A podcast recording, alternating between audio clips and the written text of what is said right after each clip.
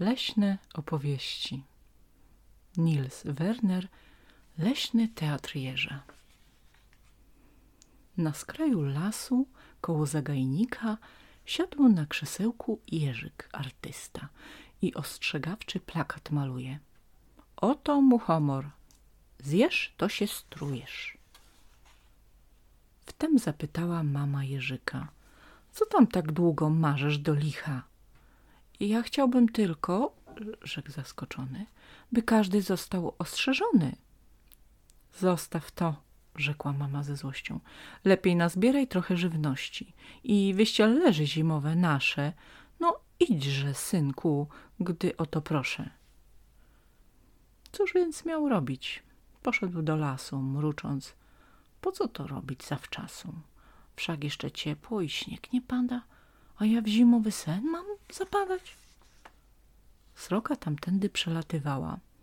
Gdy narzekania te usłyszała, zachichotała, wiercąc językiem i rzekła – Gdybym była jeżykiem, to nie czekałabym ja do jutra, lecz nałożyłabym ciepłe futro. – Ach tak – rzekł jeżyk – panią to bawi, lecz jeśli panią to zaciekawi, to powiem tylko, że ta kolczuga nie będzie grzać mnie już nie za długo. A co do futra, żałuję wielce, lecz najpierw musiałbym obciąć kolce. Bardzo się z tego sroka uśmiała.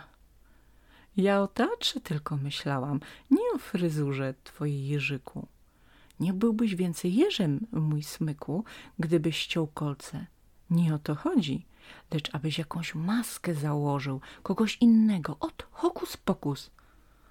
Tak, zaskrzeczawszy, uciekła sroka.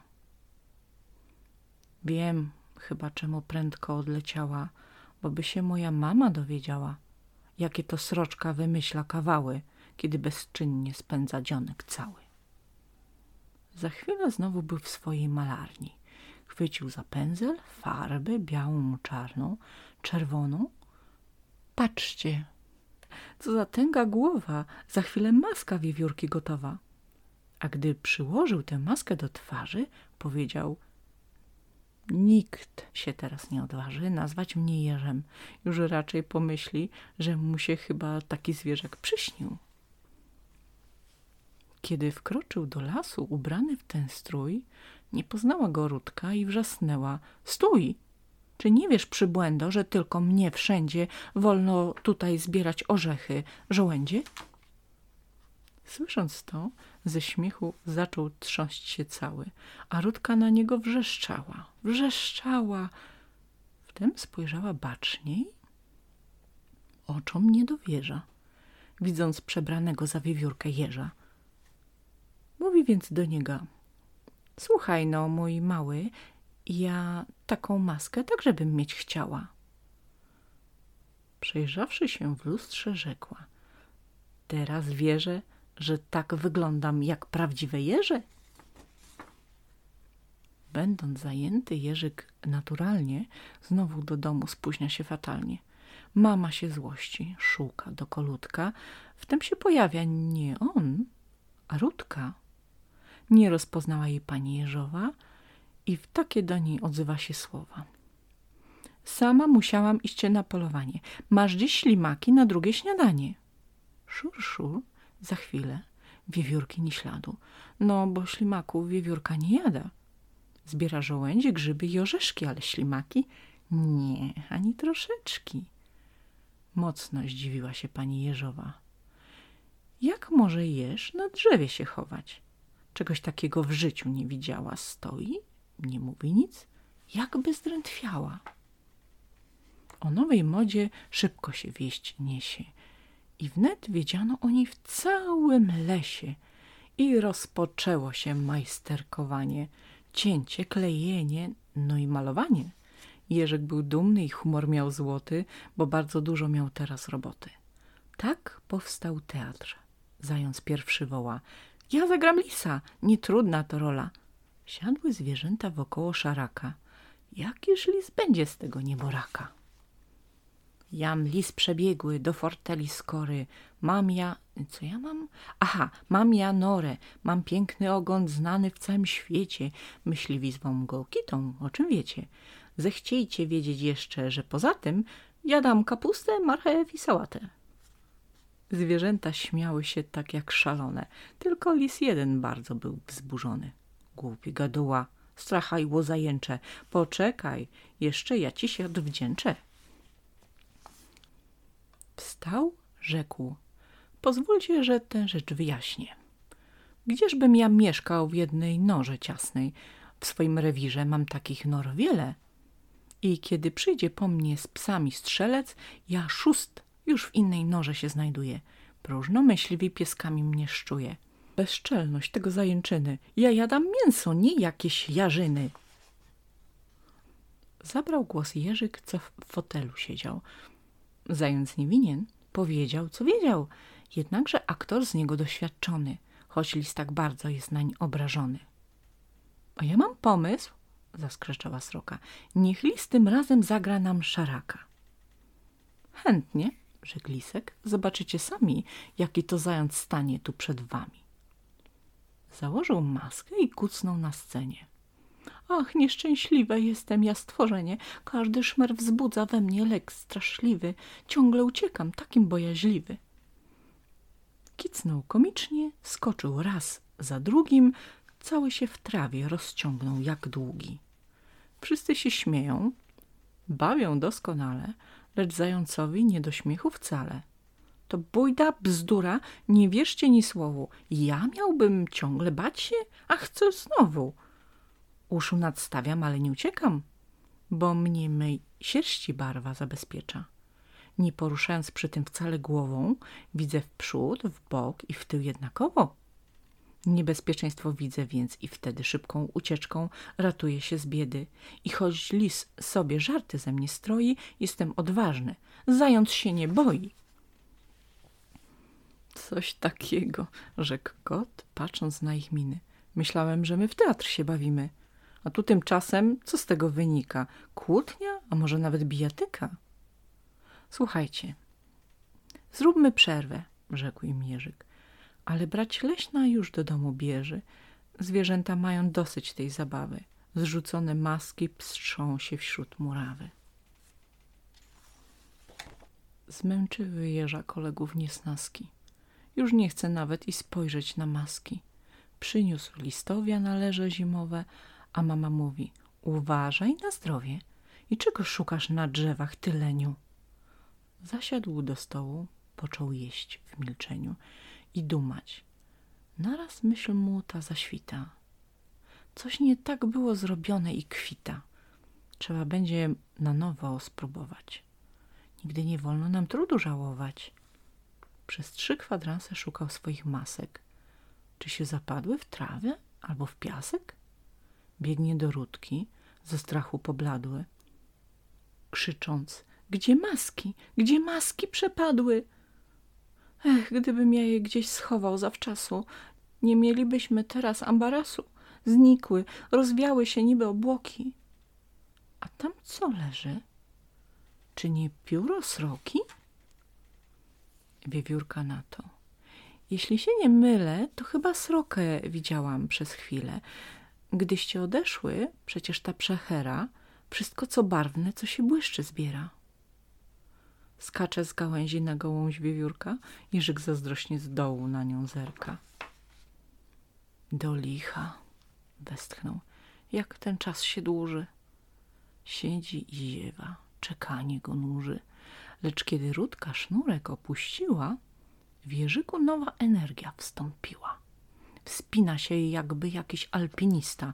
Patrzeć na niego, to radość jest czysta. I chociaż linka bardzo cienka była, choć go dlatego tu i ówdzie piła, wspinał się w górę, nie patrząc na boki. Tak bardzo chciał zobaczyć gniazdo sroki. Chodź, to zobaczysz, Rudka zaskrzeczała.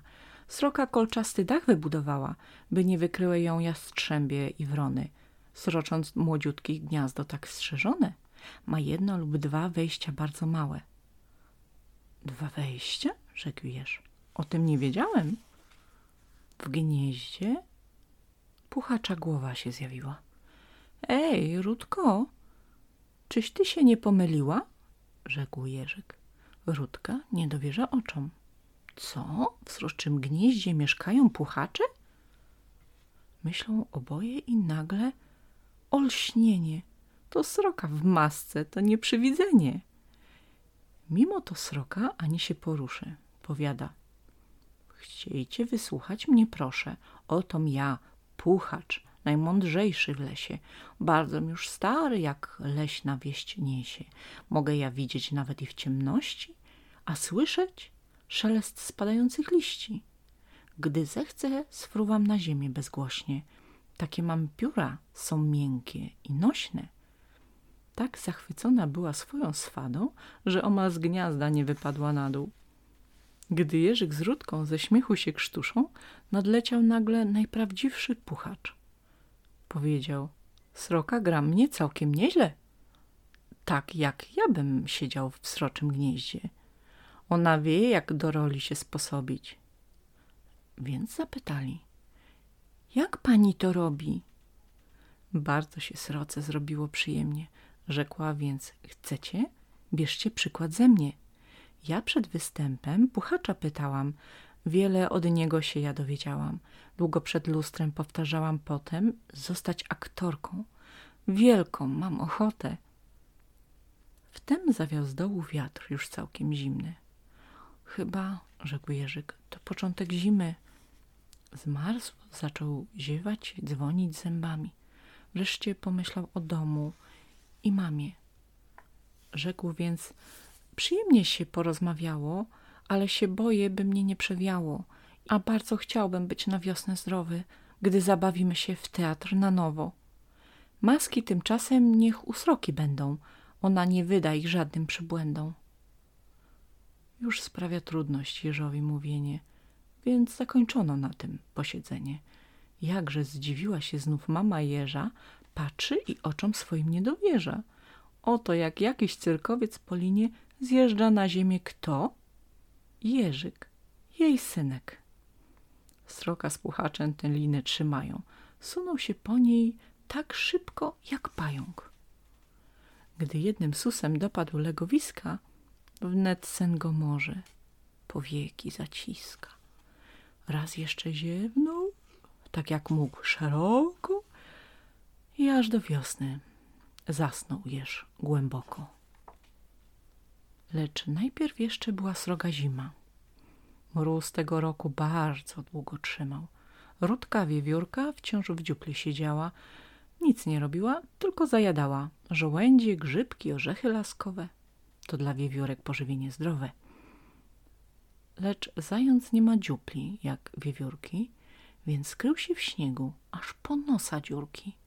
A lis przebiegły wybrał sobie łoże w swojej najgłębszej, najcieplejszej norze.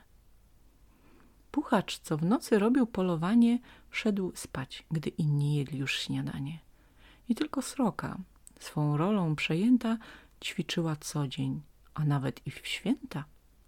Nadeszła wiosna, słońce zaświeciło, tak aż śpiącego Jerzyka zbudziło. A gdy przyniosła sroka maski wszystkie, Jerzyk powitał ją głośnym okrzykiem. To nie do wiary.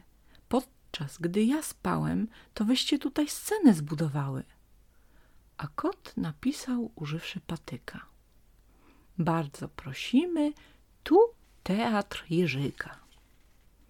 Pani Jeżowa, zobaczywszy afisz, rzekła – Wiedziałam, że ty to potrafisz. Muszę pochwalić cię za to, mój synu. Wchodzisz na drzewa i zjeżdżasz po linie. Wszystkie marzenia twoje się spełniają, a i z teatrem też ci się udało. Lecz Jerzyk na to odpowiedział skromnie. To zależało nie tylko ode mnie. A gdy zapełnił się już teatr nowy, on się do widzów zwrócił tymi słowem. Kto radość daje, ten radość otrzyma. Kurtyna na bok, występ się zaczyna. Koniec.